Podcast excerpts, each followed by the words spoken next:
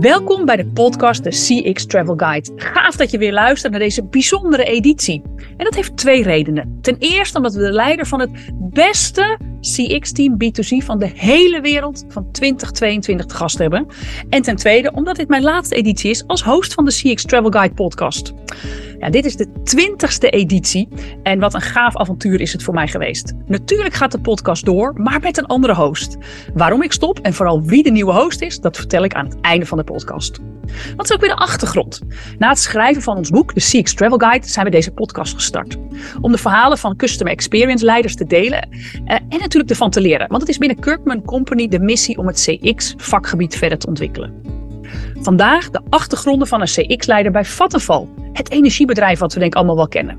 Hij was mijn allereerste gast in 2020 en sindsdien is er zeker in de energiemarkt en als CX-leider daarin nogal wat veranderd. Want waar energie een low-interest product was, is het nu een mega high-interest product. En wat voor impact heeft dat op customer experience in zo'n grote organisatie? En hoe ga je daarmee om als leider? Mijn gast geeft invulling aan een transformatie in CX. Hij is al jaren bezig en heeft prachtige resultaten neergezet, zowel vanuit een strategische lens als op operationeel vlak. Hij zorgde er zelfs voor dat leiders klachten gingen oplossen. Jawel, het kan wel. Hij heeft een groot gezinshart, gaat graag naar een feestje en is voor mij, en na het winnen van drie International CX Awards met zijn team, dus ook in de ogen van vele anderen, een succesvolle CX-leider.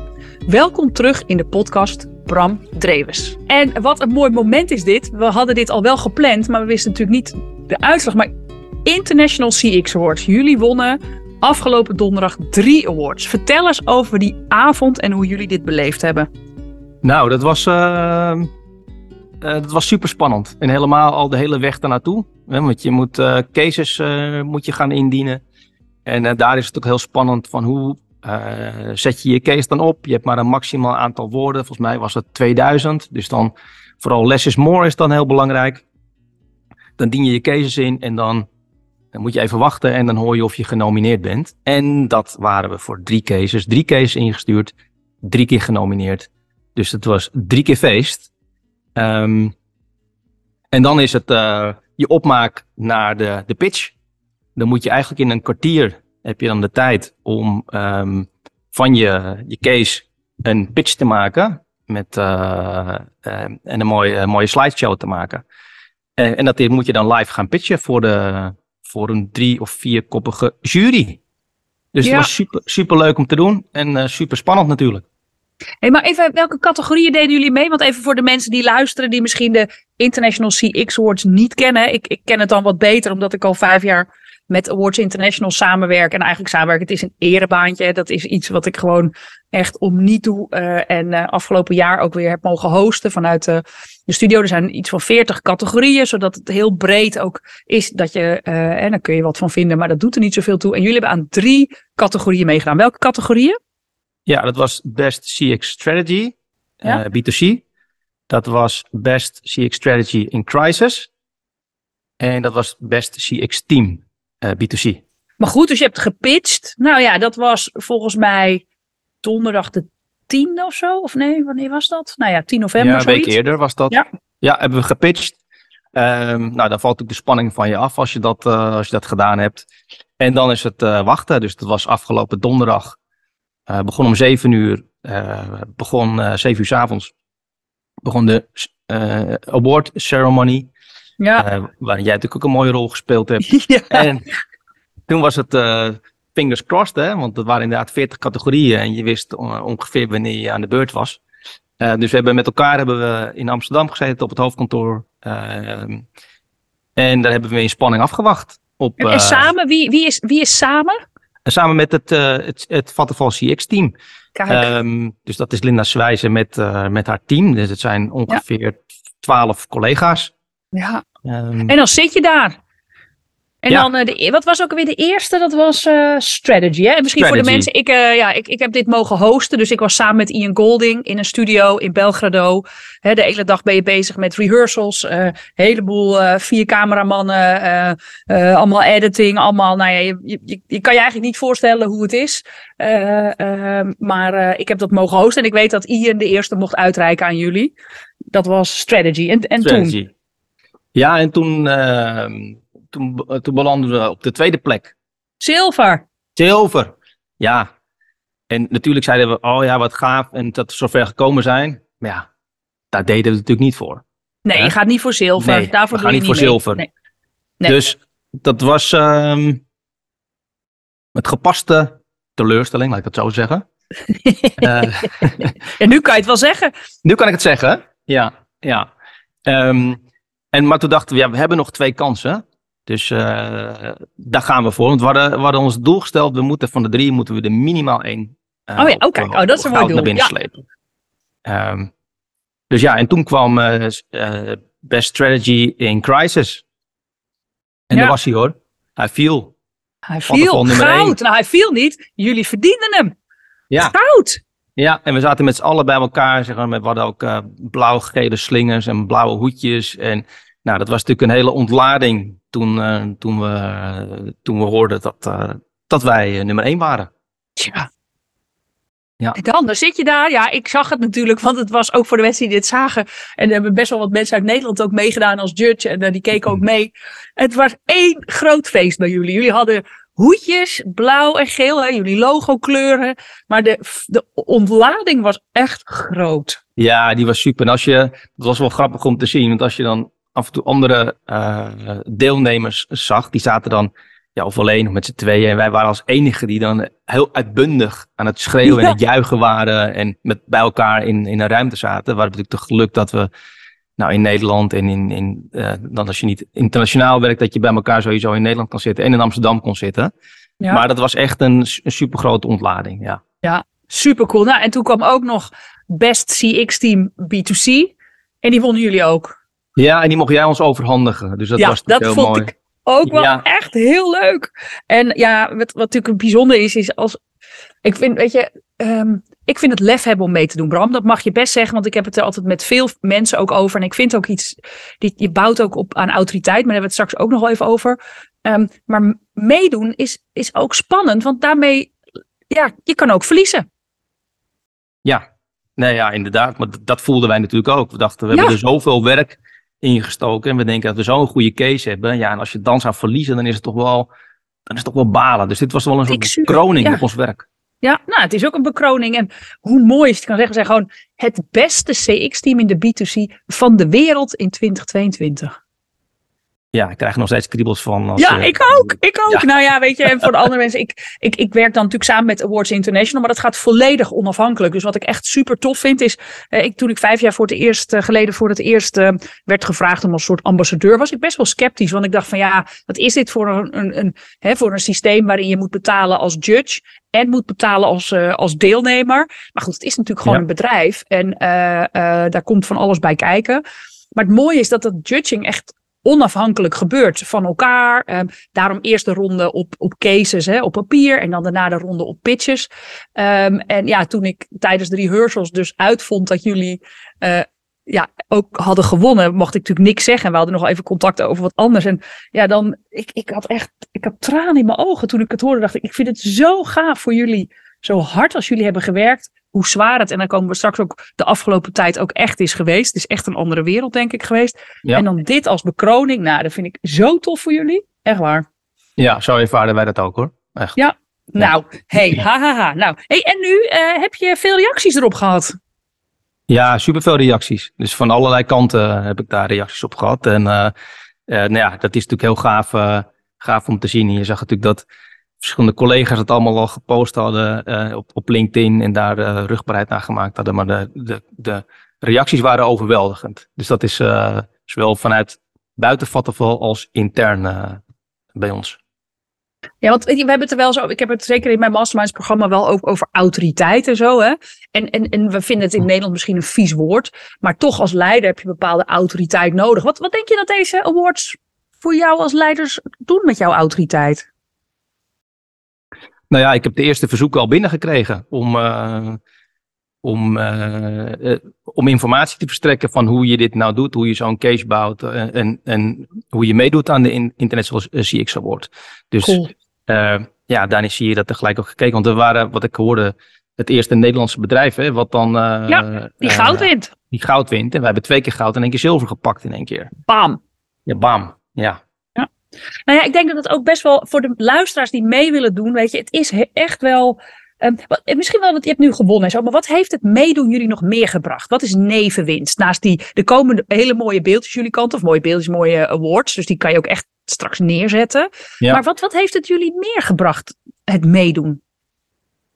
Nou, eerst dat weg er dan toe, Anders. Zorg maar eens dat je heel helder hebt waar je dan zo onderscheidend in bent met, jou, met jouw case.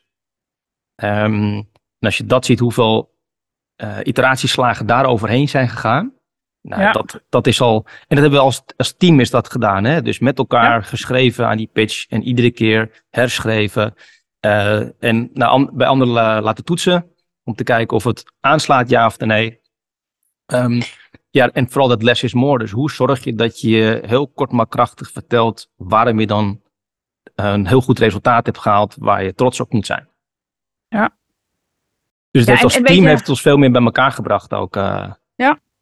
Ja, ik, ik, ik weet ook wel dat wat Linda tegen me zei. We weten gewoon veel beter ook onder woorden te brengen. Wat we doen, hoe we het doen en welke resultaten dat. Hè, dus en ik denk dat veel mensen daar ook naar op zoek zijn. Van hoe vertel ik nou aan, aan de binnen- en de buitenwereld wat ik precies doe. Ja, meedoen aan zo'n awards-programma forceert je ook om dat op papier te zetten. Ja, absoluut. Absoluut. Want dan denk je misschien dat je het wel weet, maar zet het maar eens op papier. Dat het ook kort en krachtig. En ook als mensen dat dan lezen, denken: wauw, dit is echt een goed verhaal. Want dat wil je natuurlijk teweeg brengen. Ja, ja, heel cool. Nou, uh, uh, dat zal nog wel een tijdje onrustig blijven bij CX, uh, het CX-team in Vattenval. En dat is jullie van harte gegund. Als er straks al die beeldjes te zijn, dan zien we wel weer een mooie foto op LinkedIn, hoop ik. want dit moet natuurlijk groots gedeeld worden. En maar ik wil gewoon eens even twee jaar en twee maanden teruggaan. Want jij was mijn allereerste gast in de podcast in oktober 2020. Wij kenden elkaar eigenlijk nog helemaal niet echt. Ja, een beetje via masterclass en zo. Maar ja. welke reacties heb jij op deze, deze opname gehad? Ja, hele leuke reacties, heel spontaan van mensen die ik helemaal niet kende. Uh, die me via LinkedIn uh, benaderden. En zelfs nog maanden daarna uh, kreeg ik reacties. En dat is ook wel grappig dat je ziet wanneer mensen dan die podcast luisteren. Vooral na de zomervakantie kreeg ik weer een, een, een, een aantal berichten binnen. Van hey Bram, wat leuk. Ik, heb, ik ben op zomervakantie geweest. Ik ben podcast gaan luisteren. En ik hoorde jouw podcast. En kunnen we daar eens over, over praten, over van gedachten wisselen. Dus het was wel grappig dat dat dan nog zo'n tijd naeilt. Nee, misschien voor jou, het is een van de best beluisterd. Het is natuurlijk ook de eerste, hè, dus het is dat, eh, maar het is ook wel echt een goede. Um, en ik, uh, misschien voor jou, ik geef ook, uh, als ik een masterclass geef in, in company, dan vind ik dat belangrijk dat mensen zich alvast voorbereiden op het vak. En dan zeg ik, nou, je kan bijvoorbeeld naar een podcast luisteren. En veel mensen beginnen gewoon natuurlijk bij de eerste. Maar dan wordt die ook vaak genoemd in, want dan moeten ze een slide maken. en die is wel echt leuk, omdat mensen dan zeggen, nou, en het inzicht was bijvoorbeeld, we moeten met leiders aan de slag, of we moeten dit, of we moeten dat. En uh, nou ja, ik hoop dat deze twintigste editie natuurlijk weer net zoveel uh, uh, tractie gaat krijgen.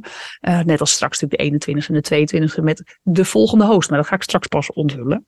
Hey, um, CX, hoe lang zijn jullie al bezig binnen Vattenval? Nou, we zijn in 2014 ongeveer gestart. Toen heette het nog geen CX, maar wel vanuit klantoptiek continu veranderingen doorvoeren. Dus dan hebben we ook onze eerste NPS-meting, die stamt uit uh, eh, 2014. Ja. En, en, en, welke grote stappen, we hebben elkaar natuurlijk in 2019 of 2020 eh, gesproken. Welke grote stappen heb jij nou binnen Custom Experience Management gezet in de afgelopen twee jaar? Want ik, ja, ben ik wel benieuwd naar. Ja, nou we hebben natuurlijk vanuit 2014, dus 2019, hebben we een hele mooie stijging uh, doorgemaakt van de NPS. Maar we bleven op een gegeven moment een beetje hangen. Ja. Plafond, wat we dat dan noemden. Um, we kwamen niet echt verder. En toen hebben we een uh, maturity scan, een uh, eh, CX maturity scan uit laten voeren. En dat heeft ons weer nieuwe inzichten opgeleverd. Vooral op CX strategie, um, maar ook op cultuur. Ja. En daar zijn we eigenlijk uh, vooral mee aan de slag gegaan. CX strategie, um, de, de, onze klantbeloftes in combinatie met klantkompas.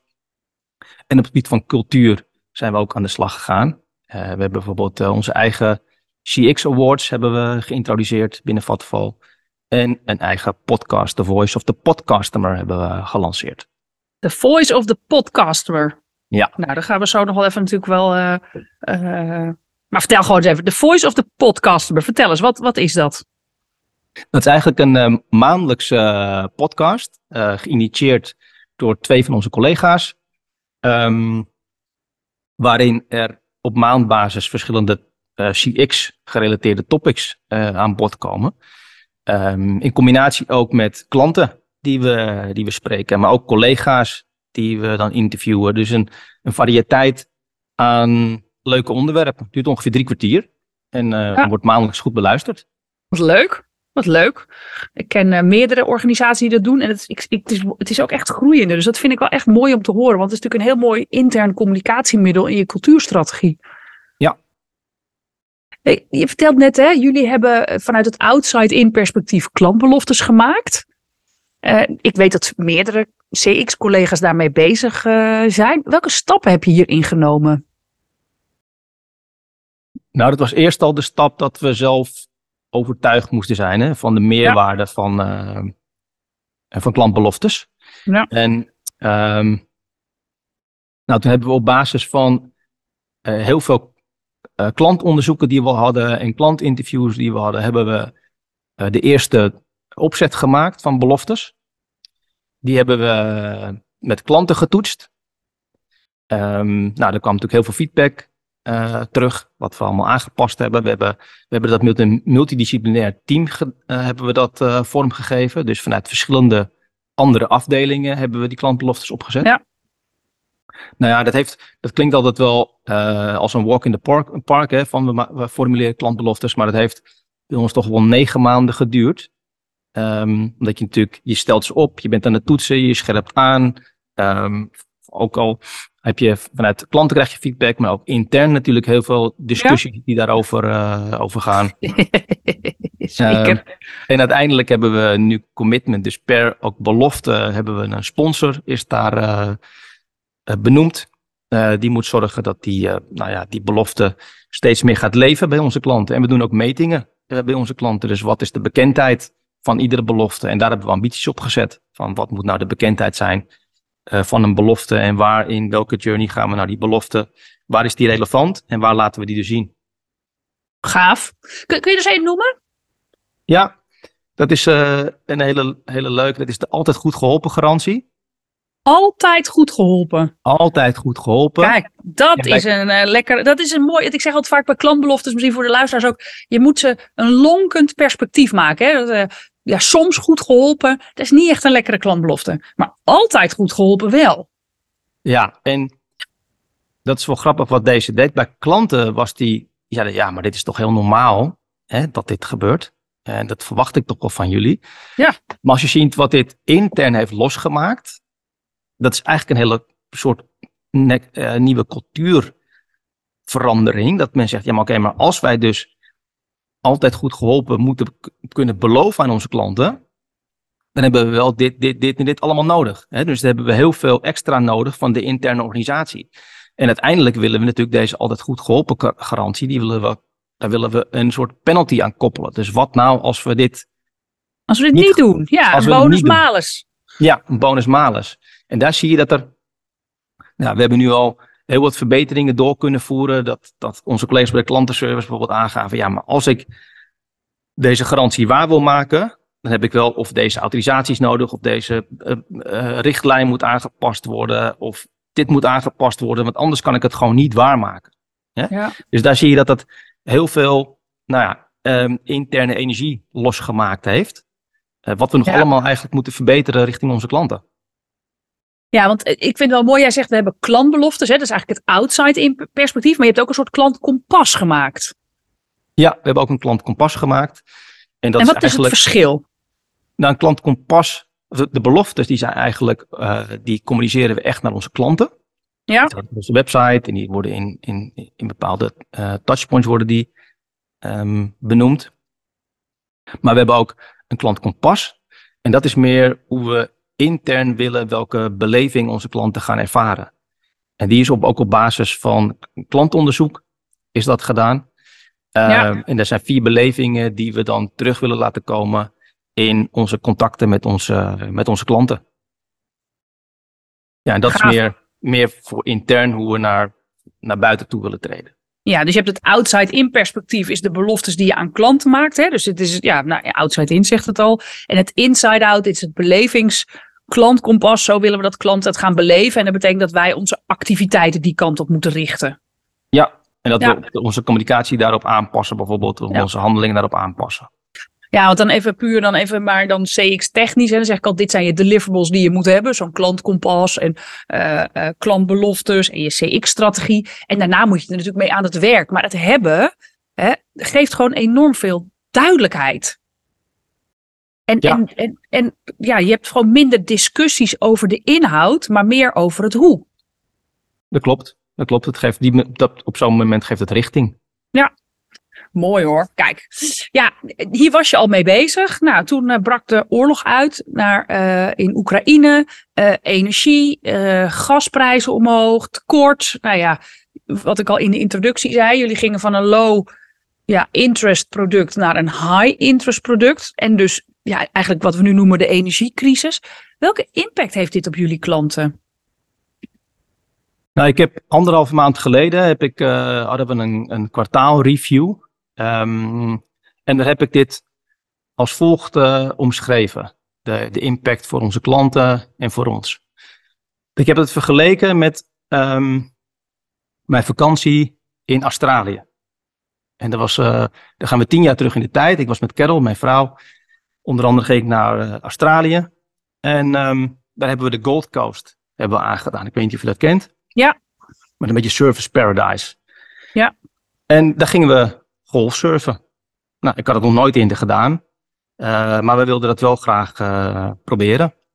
en het ging op zich, ging het mij best goed af in, in instantie. Want ik had al ervaring met windsurfen en skiën en snowboarden. Dus na wat oefeningen, om door die branding heen te komen, zeg maar, ging ik op kleine golfjes staan. En nou, dat ging best soepel. Ik bleef staan en die instructeur die zei van, eh, you're talented, go catch a big wave. Leuk Ik om te "Kerel, hoor je horen. dat? Hoor je dat? Ik heb talent, ik mag die grote golf eh, pakken. Dus Kerel zegt, ja, doe even normaal, doe even niet. Ik zei, ja, maar... eh, dus ik op mijn plank, eh peddelend naar die grote golf toe. En dan is het afwachten, hè. Ik weet niet of je die plaatjes wel eens gezien hebt, maar dan lig je zo met een groepje van die surfers. Ja, ik heb zelf daar in, eh, in Australië ook in de, in de zee gelegen. Maar ik was niet eh, getalenteerd genoeg. Dus ik hoefde niet de grote golf te gaan pakken. Nee, nou ja, dus ik lag daar zo. En dan kwam hij hoor. 2,5, 3 meter golf.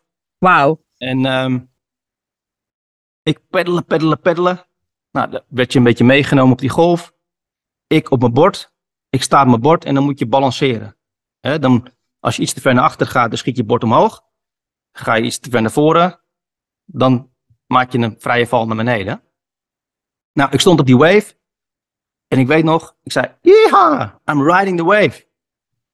Nou, en nog echt geen vier seconden later, je raadt het al, mijn balans was gewoon niet zo goed. Ik stond iets te ver naar voren. En dat noemen ze dan, you got nosed. Ja, You got nosed, een, Ja. een deep dive naar beneden. Nou, en wat er toen gebeurde, ehm, ik kwam in een soort wasmachine terecht. Ik Ja. bleef maar rondtollen in het water en ik wist ook niet meer wat boven en onder was. Tjemig. Totdat ik op een gegeven moment dacht, ik kon gewoon echt geen adem meer halen. Ik dacht, ga ik nog boven komen? Nou, ik uiteindelijk met mijn laatste adem, ik kon boven komen, snakkend naar adem. En ik kijk achter me en Carol die roept, Bram, pas op, er komt nog een golf aan. En ja hoor, daar kwam hij. Nog één. Dus ik was net, kon net mijn mijn hap ademhalen. Hup, weer een grote golf over me heen. En ik ging weer die wasmachine in. Ja. Ik dacht, jeetje, hoe kom ik hier ooit nog boven? En uiteindelijk kwam ik boven en werd ik door de golf werd ik op het strand gegooid. Nou, echt helemaal kapot. Ik dacht, nou, dit doe ik echt nooit meer. Ehm, maar als je dat nou vergelijkt met de energiecrisis, eh, wij deden het gewoon ontzettend goed. We hadden een goede bereikbaarheid bij onze klantenservice, hoge NPS-scores. Processen liepen soepel, geen achterstanden. Ik vergelijk me met die golf, we were riding the wave. Ja. Ehm, maar toen, inkoopprijzen van energie schoten omhoog. Dit was volop in de media, hè, bijna wel iedere dag.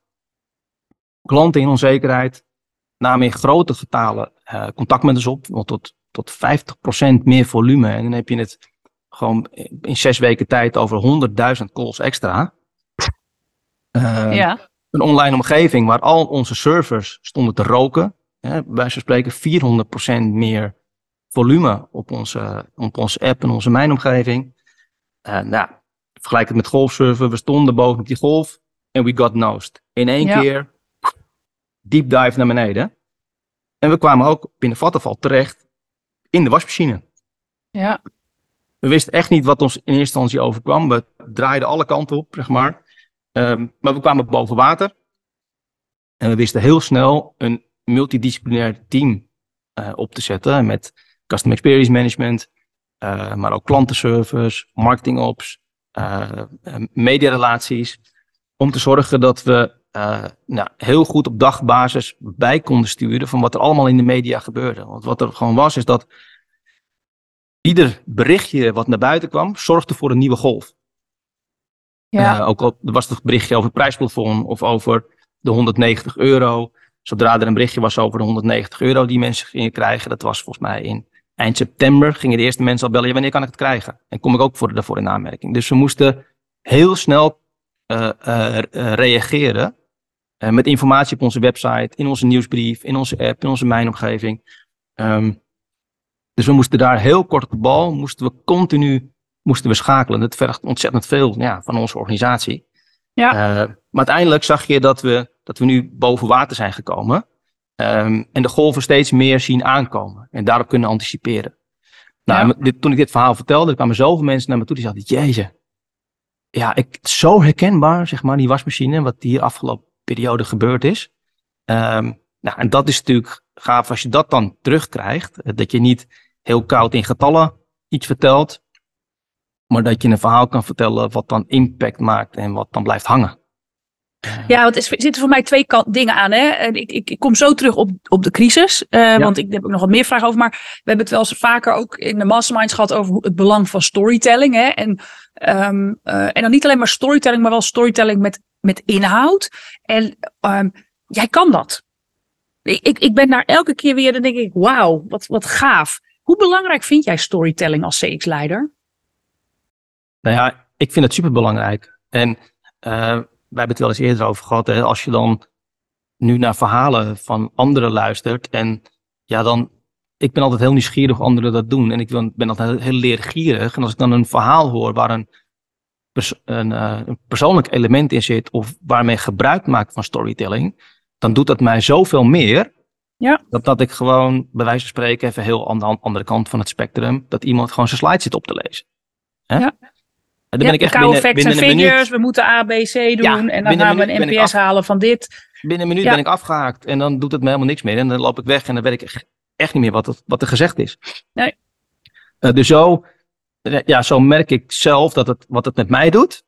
Ja. En oefen ik continu om te kijken, hoe kan ik mijn storytelling nu gebruiken om ervoor te zorgen dat het verhaal blijft hangen en dat je daar mee beweging creëert. Ja. Ja, ik denk wel dat is echt, vind ik, een belangrijke les voor iedereen die luistert. als, je een, als je voor de troepen staat, of dat nou voor een grote groep is of een kleine groep, ja, gooi er ergens een, een verhaal in waar het mensen mee raakt in plaats van alleen inhoud. Hè? En, uh, um, want op die manier creëer je verbinding en dus transformatie. Ik ben, ik ben het helemaal met je eens. En wanneer wist je dat je dit verhaal van, die, van, van, de, van, van de wasmachine wilde gebruiken? Wist je dat gelijk? Of zoek je daar dan naar? Nee. Of hoe gaat dat bij jou? Nee, ik, ik moet daar naar zoeken. En, ja. um, en dat was ook wel leuk wat er, wat er nu binnen Vattenval gebeurt. Want er waren twee collega's voor mij en die hadden de kwartaal review gedaan. En die hadden ook een mooi verhaal. Ja. Um, en ik begon mijn verhaal ook van, ja, ik kan hier niet meer, ik, ik jullie weten allemaal de verhalen van, uh, van Bernard en Guido. Ja. Ik kan hier niet weg, ik kom hier niet weg, zeg maar, met een verhaaltje met een paar bullet points. Nou, dat begreep iedereen natuurlijk gelijk. Hè? En ik zeg, ik heb mijn verhaal verpakt nu in een fotoalbum. En dat was mijn verhaal met, van Australië. Ja. Hè? Dat ik daar ook een fotoalbum had laten zien. En om, om, om die manier terug te kijken. En nou, je merkt dat we, dat we binnen Vattenval daar elkaar ook op, nou ja, een beetje op challengen. Van kom op, cool. dat moet gewoon. Ja, dan wordt het, uh, dan wordt het bijna een soort battle. Maar ik vind dat wel gaaf. Want je ziet dat organisaties waar het ook echt gaat leven, komt ook de mens daar meer in naar voren. En ik denk dat het leven ook gewoon leuker maakt. In plaats van al die koude slides en koude. Hè, bedoel, ja, je brengt ook je mens zijn naar het werk. Ja, maar het is Eh, superleuk om naar te, naar te luisteren. Weet je, als iemand daar iets eh, dat, dat persoonlijker maakt. En eh, Ja. ja, ja ik, vind dat, ik vind het gewoon heel gaaf. En leuk ook dat we elkaar, dat we op die manier eh, beter willen worden met elkaar. Wel, maar het vraagt, het vraagt ook durf en lef. Ik was Ja. vorige week met vrienden van mij naar een concert van de Dijk. We waren er gelukkig, ik had die kaartjes al een tijdje, maar een van de afscheidsconcerten van de Dijk. En in het voorprogramma van de Dijk stond een beentje, de Jetlag Jennies, zoiets. Ik weet niet meer precies hoe ze heten.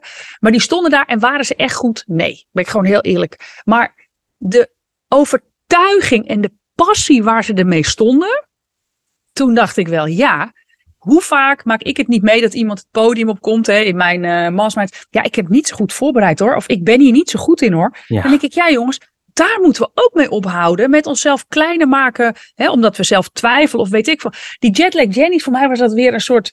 Ik werd er helemaal eh, energiek van. Ik denk, deze gozers, die vertrouwen gewoon dat zij het gaan maken in de wereld. Ze staan in het voorprogramma van de dijk. Niemand in die hele zaal heeft zin in ze. Hè, want iedereen zit, staat er voor de dijk. Ja. Maar zij stonden met zo'n overgave te spelen. Ze kregen iedereen mee. Iedereen. Mooi is dat. Cool hè? Ja, ik ja, bij mij duurde het ook wel eventjes voordat ik dus... eh, ik, ik moest echt even voor mezelf nadenken. Ja, Wat, type- wat typeert nou deze, deze, Ja. deze situatie, hè, deze periode? Ja. En heb ik daar dan iets moois bij? Ja, je moet er wel gewoon tijd qua voorbereiding. Maar dat Ja. is denk ik met alles. Denk goed na. En te veel mensen gaan een beetje toch op de automatische piloot. Zijn gewoon hard aan het werk. Skip gewoon lekker een paar e-mails. En maak tijd om even goed na te denken wat je wil. Ik, eh, ja. Nou, ik noem het altijd terug, een beetje de moment, moment of truth. Hè? Want je, je staat daar, je staat daar maar één keer. Je kan maar één keer je verhaal doen. Ja. You gotta be good. Eens. Ja. Eens. Ehm, de crisis, hè? Even. Ja. Als je kijkt naar wat voor effect heeft nou de crisis op custom experience management voor jou? Naast heel veel meer calls, maar als jij kijkt als leider. Nou ja, wat je gewoon zag natuurlijk is dat je ziet dat ehm, klanten met een bepaalde emotie zitten. Hè? Met onrust, maar ook wel, dus onrust, wat, wat gaat dat doen? Eh, maar ook wel angst, kan ik het straks nog wel betalen? Eh, Ja. Heel veel vragen van wat heb ik nou voor contract en hoe kan ik daar nou iets aan doen? Eh, dus wat, wat ik nu geleerd heb van, ja, daar moet je heel goed op inspelen. En als je daar heel goed op inspeelt, dan wordt dat ook ontzettend goed beloond door klanten. Want hoe gek het ook klinkt, we hadden toen eh, best wel heel veel klanten die contact opnamen met wel eh, eh, 90 minuten wacht aan de telefoon. Maar omdat we onze adviezen heel consistent over alle kanalen aange- of gaven, zeg maar, waren klanten toch heel blij met, eh, met het advies wat we, wat we ze gaven. Ja.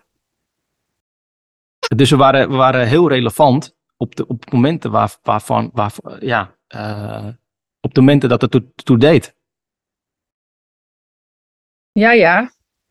Nou ja, het is wel iets wat je natuurlijk nooit had kunnen voorspellen. Ehm, het Nee. is ook wel interessant hè, dat je dus weer blijft leren en, ehm, en dat het ook je ontzettend kan raken. Eh, eh, en dat je, nou ja, toch ook wel, want een van de dingen waar we het over hadden in eh, vorig jaar, of twee jaar geleden ook, is een van de dingen die je zei, hè, we hebben een soort beleidsregel, iedereen heeft klantcontact. Dan zou je Mhm. kunnen zeggen, het is nu crisis, we doen het niet meer. Maar toch, laten we eerst nog eens even weer terug naar die beleidsregel. Kun, kun je er wat meer over vertellen? Dan komen we zo naar of die nog leeft in de crisis. Ja, nee, dat is ook eh, tien jaar geleden eh, is dat geïntroduceerd. Dat we hebben gezegd, ja, we gaan ehm, naar een klantgerichte organisatie. En wat betekent dat? Ja, dat eigenlijk dat we willen dat iedereen ook klantcontact heeft. Ja.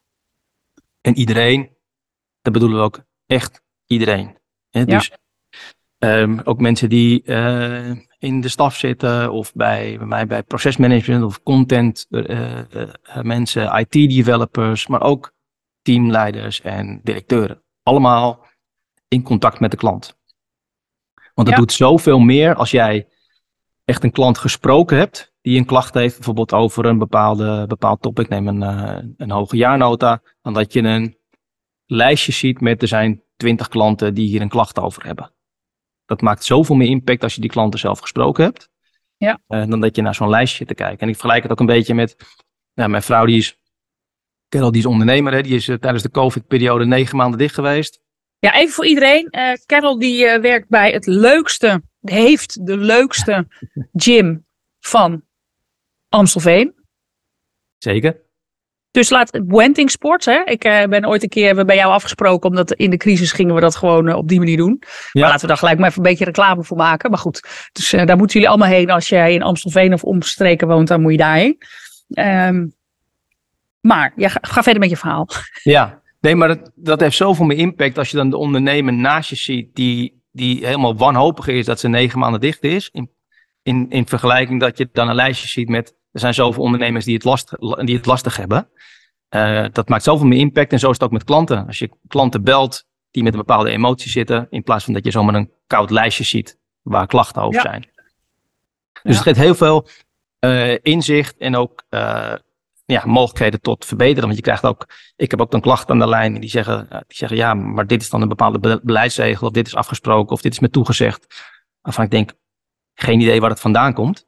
Um, maar er zullen vast meer klanten hier last van hebben. Dus op, op zo'n manier kunnen we ja, heel gericht uh, verder verbeteringen doorvoeren. Ja, en um, ik weet, uh, jij vertelde een keer over, pas geleden hadden jullie best wel veel, hè, vanwege er was iets gebeurd, hadden jullie iets van 400 soort klachtachtige dingetjes en dat staat dan in de wacht en iedereen denkt, oh help, wanneer gaan we, gaan we die klachten nog wat mee doen? Toen hielp jou die beleidsregel jou ook wel, hè? kun je daar iets... Ja, we hadden, wat ik al zei, is dat uh, onze klantenservice overspoeld werd met uh, vragen van klanten. Ja. Um, we hadden op een bepaald onderwerp hadden we een, een 400-tal klachten hadden we binnengekregen.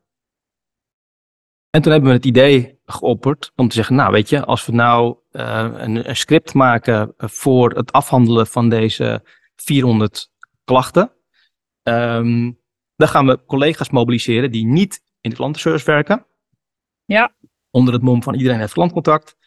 Um, om te kijken of collega's bereid zijn om op een, uh, op een avond uh, met z'n allen deze klanten terug te gaan bellen. Nou, en dat was een overweldigend succes. Dus we kregen uit allerlei hoeken van de organisatie kregen we, uh, kreeg ik aanmeldingen um, van, van collega's die zeiden: Wat gaaf, ik wil, ik wil helpen. Dus ja. zijn we met z'n allen zijn we in met Amsterdam. hoeveel waren jullie? met iets van 40 collega's. Ja, Uh, en we hebben in totaal ruim 200 klanten weten te bereiken die, uh, die avond. En het was in het begin natuurlijk super spannend. Ja, van ja, maar wat als dan een klant uh, andere klachten heeft? Of wat als de klant inhoudelijke vragen gaat stellen? Of wat als die klant tegen me gaat schreeuwen, hè, bij wijze van spreken? En eigenlijk wat het resultaat was, want we gingen daarna gingen we ook eventjes, na een uurtje gingen we evalueren. Um, en daar zag je gewoon dat 95% van de klanten vonden het super dat we persoonlijk contact met ze opnamen. Ja. Uh, en, die, en die collega's waren ook helemaal onder de indruk. Ze zeiden, wauw, wat gaaf om de, op, op deze manier zeg maar klanten te kunnen bellen en onze collega's van de klantenservice te kunnen ontzorgen. Uh, want dit hadden we ook op onze Yammer-pagina gezet. En dat deed ook heel goed hè, bij onze collega's van de klantenservice. Die zeiden, wauw, wat gaaf dat dat we hier niet alleen voor staan. Ja. En dat we hulp krijgen vanuit andere teams ja. om ons te helpen. Nou ja, wat ik, wat ik, misschien niet iedereen kent Jammer, maar Jammer is een soort interne communicatietool. Hè? Um, ja. Ik denk ook dat soms wordt onderschat. Kijk, aan de ene kant is het het oplossen van een aantal klantissues, maar het, het, um, ja, de support die daarvan uitgaat, maar ook het beeld wat daarmee wordt neergezet. En het voorbeeld is natuurlijk ongelooflijk mooi, waarbij je weer het gevoel hebt, wij doen dit met z'n allen. Ja, nee, ja absoluut. Ja. Hey, nou, eens terugkijkend. We hebben twee jaar geleden de podcast opgenomen. Ik heb nog even teruggeluisterd. En, en ik, ik hoor daar hè, dus bijvoorbeeld ook iedereen heeft klantcontact. Een van de dingen. En dat jullie ook ja, bijvoorbeeld dat leiders zelf klachten moeten oplossen. Ja. Um, ja. Wat, um, hoe, hoe zit dat in elkaar? Ja, dat was, uh, was toen en dat, dat is nog steeds zo. Dus um, en het gaat natuurlijk met pieken en dalen. En je ziet dat als de bereikbaarheid slechter is, uh, de klachten richting management toenemen. Ja. Dus, um, maar dat is helemaal niet erg. Uh, we, ik, ik, krijg heel veel van die klachten krijg ik onder ogen en ik help ze te distribu distribueren. Dus als er bijvoorbeeld een klacht gaat over, over sales, dan stuur ik het naar mijn collega. Als er klachten is over klantenservice, naar mijn andere collega. Maar ook als er klachten zijn over bijvoorbeeld een niet functionerende meter of over meterstanden, dan zijn er ook managers in mijn team naar waar ik die klachten distribueer. En ik pak ze zelf ook op. Ehm, en dat doen we nog steeds. Dus ondanks dat er crisis is of dat er druk is, ehm, pakken we nog steeds uh, klachten op.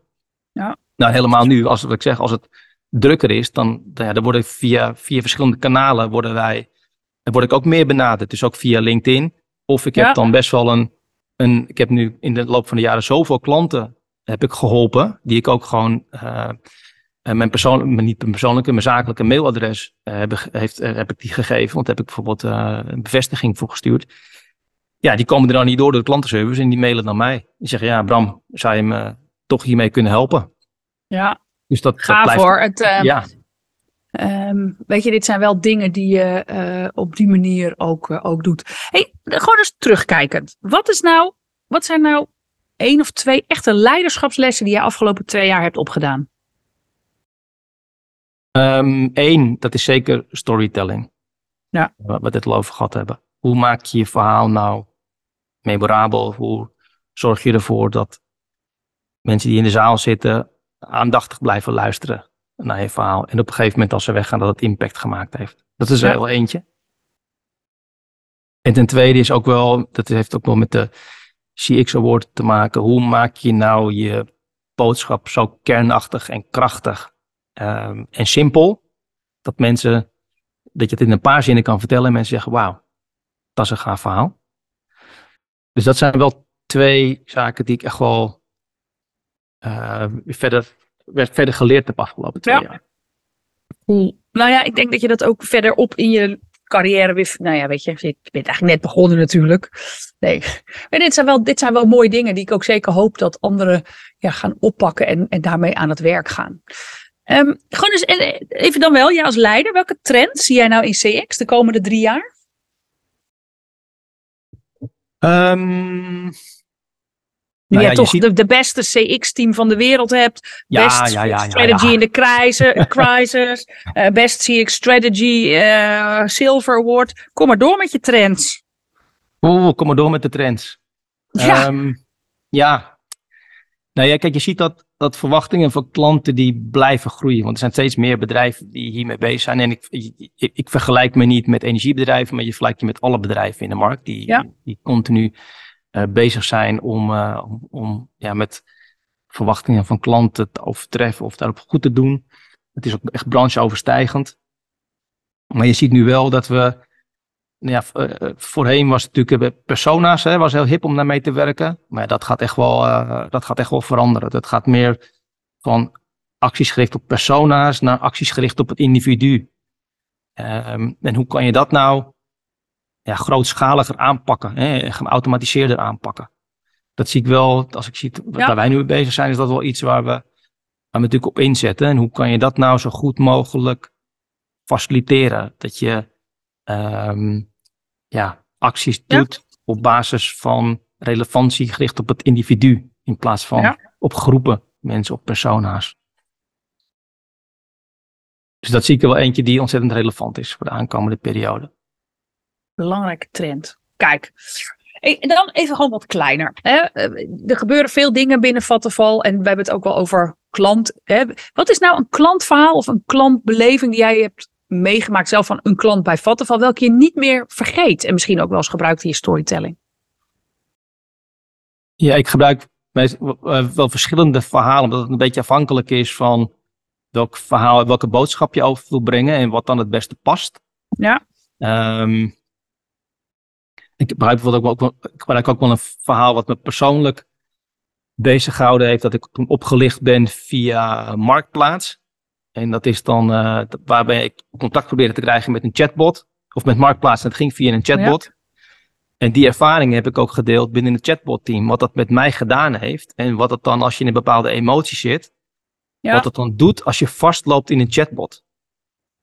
Huh? Ja maar en dan even dan probeer ik hem nog, denk ik, ik denk dat ik hem niet goed genoeg frame.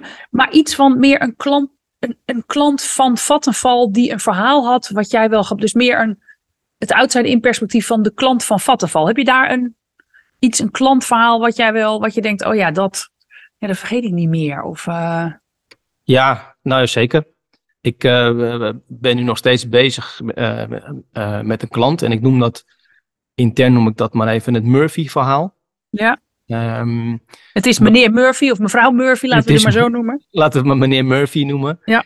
Um, maar er is een, een aaneenstapeling op fouten door ons gemaakt. Nou, wat, wat op een gegeven moment dat geëscaleerd was, bij mij terechtgekomen is.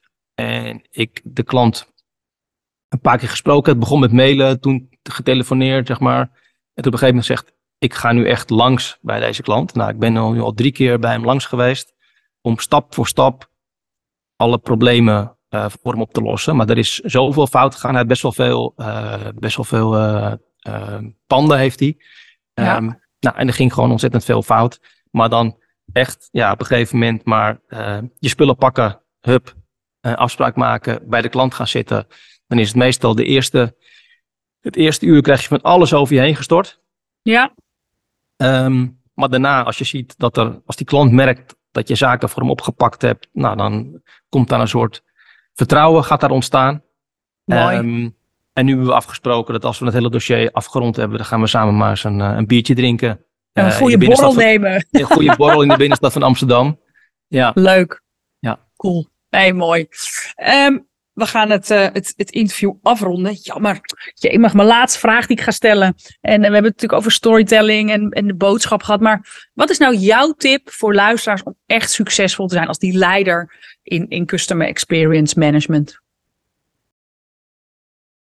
Um, om echt succesvol te zijn. Ja. Mm. Ja. Hoe kan je dat nou heel kort samenvatten? Je mag het ook lang samenvatten voor mij hoor. Ja. um...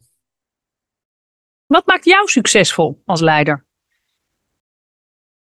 Nou, dat is zeker mijn, uh, mijn enthousiasme. Dus mijn geloof Kijk. dat dit, dat dit, uh, dat je uh, met het vormgeven van CX heel veel klanten enthousiast kan maken. En daar zelf ook heel enthousiast over ben. Dus ik vind het, Kijk, ik vind het super gaaf om, om, om de wereld van onze klanten iedere dag weer een beetje beter te maken. En een beetje mooier. Ja.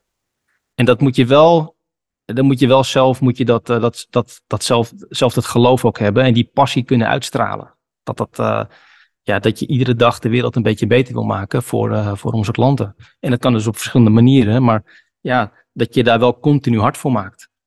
En dat is. Ik vind dit een prachtig antwoord, Bram. Weet je, je moest eventjes, je zat echt, wat, wat moet ik? Maar ik denk, ja. zelf geloof en enthousiasme hebben, ja, daar start het natuurlijk allemaal mee. Daar start het mee, ja. Ja, uh, daarmee uh, sluit ik uh, deze gave podcast af. Bram, nogmaals gefeliciteerd met jullie International CX Awards en vooral met jouw, nou ja, weer deelname aan dit mooie interview. Dankjewel.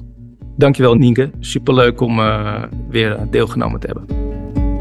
Dank voor het luisteren naar de 20ste editie van de CX Travel Guide podcast. En wat een mooie inkijk hebben wij gekregen in CX bij Vattenval en de CX leiderschapslessen van Bram Drewes. Wat ik neem, neem zijn drie dingen. Ten eerste is dat meedoen aan de CX Awards je al veel brengt, maar het winnen ervan je echt als autoriteit neerzet. Het tweede is zorg voor een aantal key CX deliverables. Bijvoorbeeld een duidelijke CX-strategie, klantbeloftes en klantkompas. Zo stuur je en geef je richting aan de transformatie. En het derde is, ja, het begint allemaal bij jou. Jij als CX-pro. Heb geloof en enthousiasme om die verandering te leiden. Zo win je in ieder geval drie International CX Awards. En dus, daarbij rond ik het af. De cirkel is rond. Mijn eerste gast was Bram Drewes. Mijn laatste gast is Bram Drewes. Dit was mijn twintigste editie van de podcast. En ik neem hierbij afscheid als host van de CX Travel Guide.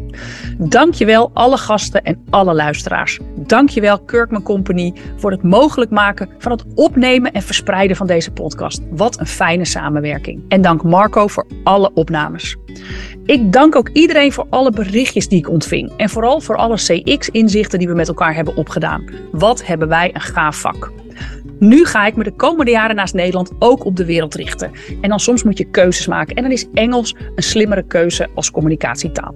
Daarom start ik in januari een nieuwe Engelse CX-podcast. En daar ga je natuurlijk over horen via bijvoorbeeld de CX Greets, mijn nieuwsbrief en LinkedIn. Maar wat echt belangrijk is, is dat de CX Travel Guide doorgaat. En wel met een nieuwe host, waarvan ik de eer heb om te onthullen wie dat is. Namelijk Nicky de Bruin, Practice Lead Customer Excellence bij Kirkman. Ik wens jou als luisteraar heel veel luisterplezier. Nicky heel veel opname- en interviewplezier. En allemaal veel CX succes in de toekomst. Vrolijke greets van mij.